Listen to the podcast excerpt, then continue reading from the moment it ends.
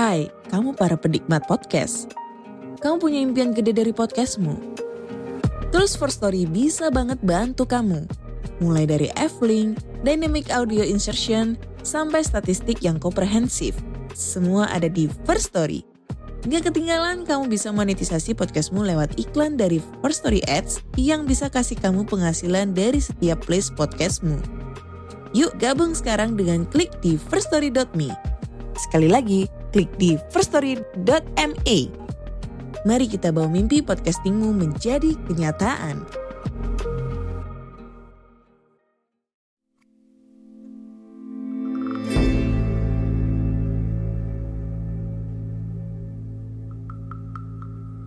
Assalamualaikum warahmatullahi wabarakatuh. Jumpa lagi di Nyeritain Horor Podcast. Seperti biasa, pada kesempatan kali ini aku akan menceritakan kisah horor yang sudah dikirimkan oleh teman-teman kita. Dan tentunya, setiap kisahnya akan membuat bulu kuduk merinding. Sebelum mulai cerita, aku mau ngucapin terima kasih buat teman-teman yang udah follow podcast ini dan setia mendengarkan setiap kisah dari Nyeritain Horor. Seperti apa kisahnya? Stay tune.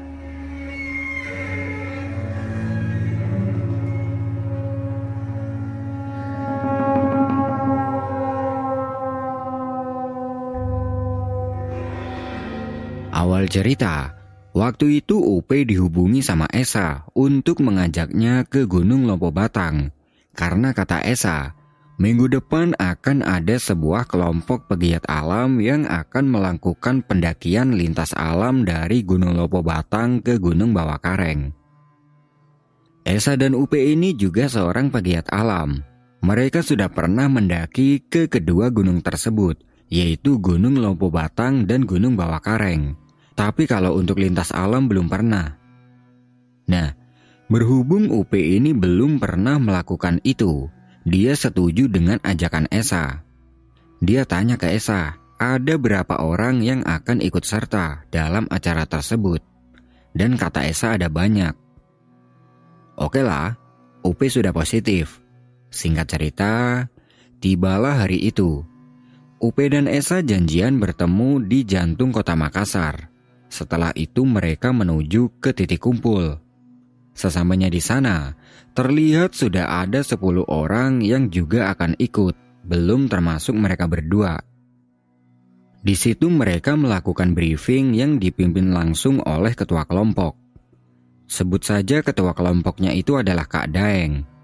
Kak Daeng ini adalah seniornya, pengalaman survive-nya udah banyak. Setelah briefing sudah selesai, mereka mempersiapkan semua peralatan safety-nya, mulai dari perlengkapan pribadi, tali, dan alat safety lainnya. Karena menurut Kak Daeng, kalau dari Lompo Batang ke bawah kareng itu jalurnya harus menuruni tebing yang sangat curam. Kurang lebih dua jam persiapan, mereka pun bersiap-siap akan berangkat. UP dan Esa meninggalkan kendaraannya di situ dan berangkat menggunakan mobil yang sudah disediakan oleh Kak Daeng.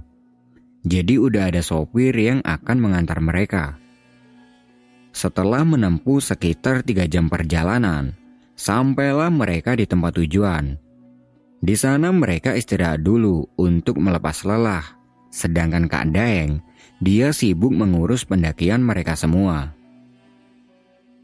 30 menit kemudian Kak Daeng memberi aba-aba agar yang lain bersiap-siap. Dan rute perjalanannya adalah ke puncak Lempo Batang dulu, baru besoknya lintas ke bawah kareng. Sekitar jam 11 siang, perjalanan pun dimulai menuju ke puncak Lempo Batang. Perjalanan ke puncak tidak ada kendala apa pun. Selama perjalanan naik, mereka saling ngobrol agar lebih akrab satu sama yang lain. Setelah menempuh perjalanan yang cukup melelahkan, akhirnya mereka sampai di puncak sekitar jam 8 malam. Malam itu mereka membuat perapian dan masak untuk makan malam. Setelah itu, dilanjut Kak Daeng memberi informasi ke yang lain. Karena malam semakin larut, satu persatu dari mereka masuk ke tenda dan tidur. Tapi tidak dengan UP, Esa, dan Kak Daeng. Mereka bertiga masih nungguin perapian yang belum padam sambil ditemani segelas kopi masing-masing. Upe dan Esa tanya banyak ke Kak Daeng tentang pengalamannya seputar alam. Dan Kak Daeng cerita banyak. Katanya, dia pernah tinggal di Pulau Jawa selama satu bulan penuh untuk mendaki ke beberapa gunung yang ada di Pulau Jawa. Karena kopi sudah habis dan suhu juga semakin dingin, mereka pun lekas masuk ke dalam tenda dan tidur. Keesokan harinya, mereka semua siap-siap untuk melanjutkan perjalanan ke Gunung Bawah Kareng. Dan perjalanan itu dimulai sekitar pukul 10 pagi. Jalur pendakian kali ini benar-benar ekstrim karena jalurnya ini didominasi dengan batu yang menurun Beberapa kali mereka menggunakan bantuan tali agar tidak terperosok ke jurang. Karena saking capeknya, Upe dan Esa ini sampai tertinggal dengan rombongan lumayan jauh. Setelah melewati jalur yang sangat ekstrim tadi, akhirnya mereka sampai di Lembah Karisma. Di sini jalurnya sudah tidak se ekstrim tadi, tapi tetap saja masih curam dan didominasi lumut yang sangat licin. Sa, yang lain kok udah jauh banget ya? Sampai nggak kelihatan. Iya, agak ngebut dikit lah kita. Ngebut gimana caranya? Orang jalannya licin gini. Setelah bersusah payah, akhirnya jalur yang licin tadi sudah berhasil dilewati dan mereka bertemu dengan rombongannya di pertigaan Anjaya dan Karisma. Anjaya dan Karisma ini adalah nama sebuah tempat di gunung ini. Mereka sampai di pertigaan itu sekitar jam 2 lebih. Terlihat orang-orang lain pada tiduran karena capek, bahkan ada juga yang sudah lelap tidur. Mereka ikut istirahat di situ, senyum pun mereka, walaupun sebenarnya kaki sudah terasa payah. Karena capek, Upe dan Esa tidur di atas tanah, dan bangun-bangun, mereka berdua kaget karena rombongannya ini tiba-tiba sudah sepi di tempat ini hanya ada mereka berdua. P, mana yang lain? Kok cuma kita berdua? Tanya Esa. Mana aku tahu, orang sama-sama bangun tidur. Jawab Upe. Mereka berdua lekas bangun dan mencari rombongannya. Dilihat ke sana kemari, tapi memang benar-benar tidak ada. Apa udah jalan ya, Pe? Bisa jadi. Tapi kok kita nggak dibangunin? Iya nih, parah banget. Mereka menganggapnya seperti itu. Kemudian, mereka lekas menggendong tasnya masing-masing untuk menyusul yang lain. Nah, dari sini mereka tidak sadar kalau tadi mereka ini istirahatnya di pertigaan Karisma dan Anjaya. Yang ada dalam pandangan mereka ini jalurnya cuma satu, yaitu ke kanan, ke Pasar Anjaya. Jalanlah mereka ke sana. Dalam perjalanan, mereka ini sering bersimpangan dengan orang-orang yang berpakaian pendaki, dan mereka pun menyapanya. Tapi anehnya, dari sekian pendaki yang mereka sapa itu tidak ada satupun dari mereka yang membalas sapaan Upe dan Esa. Sa, ini orang-orang pada kenapa ya? Kok nggak ada yang nyaut kalau disapa? Tahu, pada kecapean mungkin. Untung aja ya Sak bukan cuma kita yang lintas jalur. Mereka menganggap pendaki-pendaki yang lewat itu juga sedang lintas alam dari bawah kareng. Yang terakhir, mereka bersimpangan dengan seorang perempuan yang sangat cantik. Tapi sepertinya perempuan itu bukan pendaki, karena dari penampilannya perempuan ini tidak mengenakan peralatan gunung sama sekali melainkan pakai baju ala-ala noni Belanda. Esa tanya ke cewek itu, Permisi kak, tadi lihat ada rombongan gak di depan? Cewek itu tidak menjawab, tapi menunjuk ke arah jalur yang sudah dia lewati. Oh ya udah kak, permisi ya, kita lanjut dulu. Lanjut Esa. Mereka berjalan meninggalkan perempuan itu sambil sesekali Upe melihat ke belakang ke arah perempuan tadi. Dan Perempuan itu terlihat terus saja berjalan sampai akhirnya tidak kelihatan. Tidak lama kemudian, di depan mereka mendengar ada suara ramai, seperti orang yang sedang melakukan aktivitas. Sa, dengar suara orang nggak? Tanya Upe. Iya, itu rombongan kita mungkin.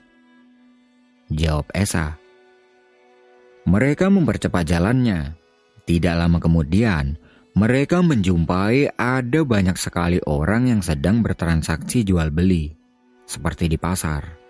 Tapi, semua dagangannya ditaruh di atas tanah dan orang-orangnya ini berpakaian adat tradisional Bugis.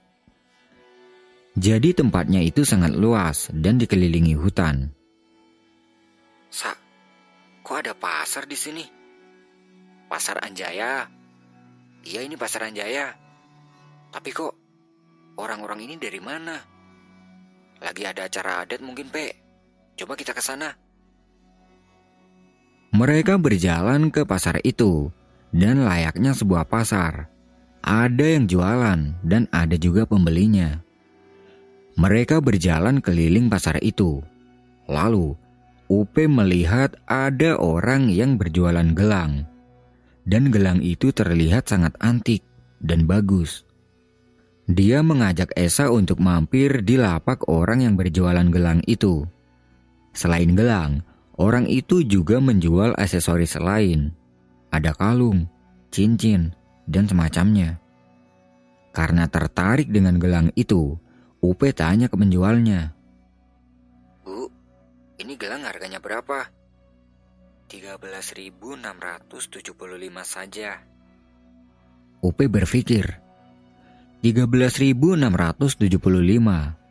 Kenapa tidak digenapin aja jadi 14.000 atau 13.500 lah biar gampang.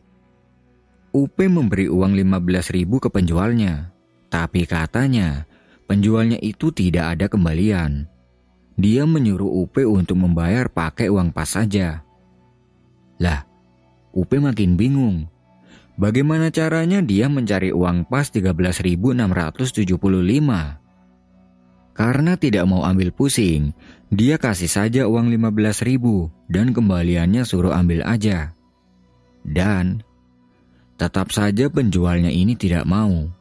Katanya tetap harus bayar pakai uang pas. Ini orang gimana sih?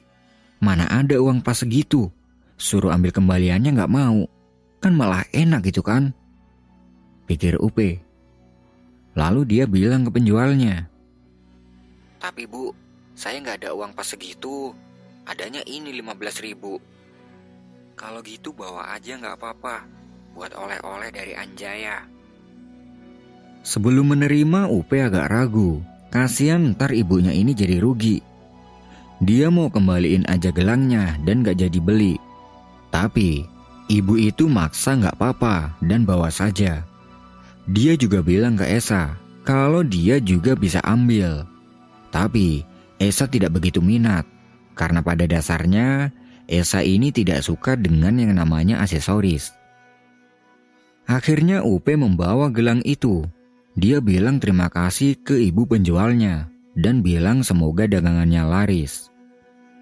Sambil berjalan meninggalkan penjual tadi, dia melihat gelangnya, dan menurut Upe, ini gelang memang antik, terbuat dari kayu dan ada ukirannya kuning. Nah, ketika sedang jalan, tiba-tiba dia ingat dengan tujuannya. Sa, kok kita malah ke pasar Anjaya? Bukannya kalau ke bawah kareng gak harus ke sini ya? Duh, iya. Harusnya kita ambil jalur karisma kan? Mengingat itu mereka berniat mau balik, tapi mereka tidak menemukan jalan keluar dari pasar ini. Sudah jalan lama muter-muter, tapi mereka tetap saja melewati jalanan pasar ini. Sa, jalan keluarnya di mana tadi ya? Aku juga bingung, Pe. Rame banget lagi pasarnya, jadi nggak inget. Esa tanya ke salah satu orang yang sedang lewat. Tapi Orangnya itu sangat cuek. Tanya sama orang lain, tanggapannya pun masih sama. Jadi semua orang yang ada di situ nggak ada yang mau ngasih tahu jalan keluar dari pasar ini. Gimana nih, Sa? Tanya Upe. Mana aku tahu, orang-orang juga pada diem kalau ditanya. Jawab Esa. Bingung. Mereka berdua masih berusaha mencari jalan keluar, tapi hasilnya sama saja. Jalan yang dilewati pun ujung-ujungnya membawa mereka ke tempat ini lagi. Karena capek, mereka duduk di sebatang kayu sambil mengingat-ingat jalan keluar dari pasar ini. Terlihat orang-orang yang ada di sini sedang mondar-mandir bertransaksi jual beli. Tidak berselang lama, dari sela-sela keramaian pasar mereka mendengar ada suara teriakan yang memanggil Upe dan Esa. Upe! Esa! Kalian di mana? Upe! Esa! Sa, denger nggak? Kayak ada yang manggil kita. Tanya Upe. Esa memasang telinga. Iya, kayaknya dari arah sana. Jalanlah mereka ke sumber suara itu. Terlihat dari dalam hutan ada Kak Daeng dan dua orang lainnya. Mereka sedang teriak memanggil Upe dan Esa. Esa, Upe, sini. Ngapain kalian di situ? Teriak Kak Daeng sambil melambaikan tangannya. Mereka bergegas menuju ke tempat Kak Daeng. Sesampai di sana, Kak Daeng bertanya. Esa, ngapain di sana? Dicariin ke mana-mana malah main ke sini. Maaf kak, tadi kita udah mau nyusul, tapi tiba-tiba sampai di sini. Nyusul ke mana? Orang dari tadi kita nyariin kalian kok. Loh, emangnya Kak Daeng udah sampai di mana tadi? Gak di mana-mana. Dari tadi kita tidur di pertigaan. Mereka berdua kaget. Perasaan tadi pas bangun gak ada siapa-siapa. Tapi kok katanya Kak Daeng gak ke mana-mana. Kak Daeng mengajak mereka untuk balik ke pertigaan. Sesampainya di sana, ternyata benar rombongan yang lain masih berada di situ. Lalu, terlihat ada dua anggota lain yang datang dari arah jalur Lompo Batang. Lah, ini dia anaknya. Habis dari mana kalian? Kita habis dari sana, Kak. Ngapain? Itu kan arah ke Pasar Anjaya. Nah, itu dia. Kita nggak tahu kenapa tiba-tiba sampai ke sana. Kok nggak tahu gimana sih? Ternyata Dua orang ini juga sedang mencari mereka berdua dari arah jalur balik. Kak Daeng minta pada mereka buat fokus dan minta pada yang lain untuk bersiap-siap melanjutkan perjalanan. Perjalanan dilanjutkan sekitar jam satu siang. Sambil jalan, Upe dan Esa masih memikirkan kejadian barusan. Kok bisa-bisanya mereka tidak melihat rombongannya sendiri? Udah, kalian fokus sama jalannya. Jangan dipikirin kejadian tadi. Kata Kak Daeng. Oke lah, mereka melupakan kejadian itu. Setelah lama berjalan, akhirnya sampailah mereka di Gunung Bawah Kareng sekitar jam 8 malam lebih. Peralatan dikeluarkan dan tenda segera didirikan. Setelah itu, mereka membuat makanan untuk makan malam. Setelah makan, satu persatu anggota pada masuk ke dalam tenda dan tidur, tapi tidak dengan Upe, Esa, dan Kak Daeng. Mereka masih ngobrol-ngobrol di depan tenda. Nah, di sini Kak Daeng minta pada Upe dan Esa untuk menjelaskan tentang kejadian tadi. Esa menjelaskan semua, termasuk keramaian pasar tadi, dan Kak Daeng memberitahu mereka bahwasanya Tadi itu semua anggota pada ketiduran karena capek. Dan pas bangun-bangun, mereka tidak melihat keberadaan Upe dan Esa. Panik dong. Kak Daeng nyari ke sana kemari, tapi nggak ada. Sempat berpikir kalau Upe dan Esa ini udah jalan duluan. Tapi nggak mungkin, soalnya Upe dan Esa ini tidak tahu jalannya. Akhirnya, beberapa dari mereka berpencar untuk mencari, ada yang nyari ke arah jalur balik, dan ada yang nyari ke arah Pasar Anjaya. Dan akhirnya, Kak Daeng menemukan mereka lagi duduk santai di tengah area pasar Anjaya.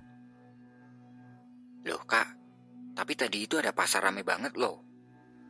Gak ada, Sa. Gak ada siapa-siapa. Kalau nggak percaya tanya sama Bobon, orang yang sama aku tadi. Tapi beneran loh kak, aku tadi sempat beli gelang juga kok di sana. Mana gelangnya? Upe mencari gelangnya yang tadi dia masukkan ke dalam saku. Setelah dicari-cari, ternyata gelang itu tidak ada. Asli nggak ada. Padahal tadi seingat Upe gelang itu dikantongin di kemejanya. Aku bilang juga apa? Gak ada siapa-siapa di sana. Kok bisa ya kak? Tadi beneran loh aku beli gelang. Iya kan sa? Iya betul kak. Tadi Upe beli gelang. Buktinya sekarang gelangnya nggak ada. Upe, Esa, itu pasar gaib. Pasar yang dihuni makhluk halus. Bisa jadi yang kalian lihat tadi itu adalah gaib. Karena kamu udah beli barang di sana, sekarang kamu lemparkan uang ke dalam hutan. Buat apa kak? Sebagai tanda barter, mitosnya gitu. Gak ada salahnya juga kan? Upe mengeluarkan selembar uang dari saku. Lalu, uang itu dia remas-remas sampai membulat. Kemudian dia lemparkan ke dalam hutan. Setelah itu, Kak Daeng minta pada mereka agar langsung tidur dan jangan lupa berdoa, biar selanjutnya tidak terjadi apa-apa. Oke lah, mereka semua masuk tenda dan tidur. Di dalam tenda, Upe dan Esa masih ngomongin kejadian yang tadi, yang itu sangat tidak masuk akal sehat. Udah di luar nalar itu mah. Keesokan harinya, setelah selesai makan mereka mengabadikan momen di Gunung Bawah Kareng. Setelah itu lanjut berjalan turun. Selama perjalanan turun mereka tidak ada kendala apa pun hingga sampai di bawah dengan aman. Sesampai di bawah, mereka sudah ditungguin sama sopir yang mengantarkan kemarin dan Kak Daeng menyatakan kalau acara lintas alam ini berjalan dengan lancar dan sukses. Dia mengucapkan terima kasih pada semua anggota yang sudah ikut serta. Setelah itu mereka kembali ke kota Makassar dengan selamat.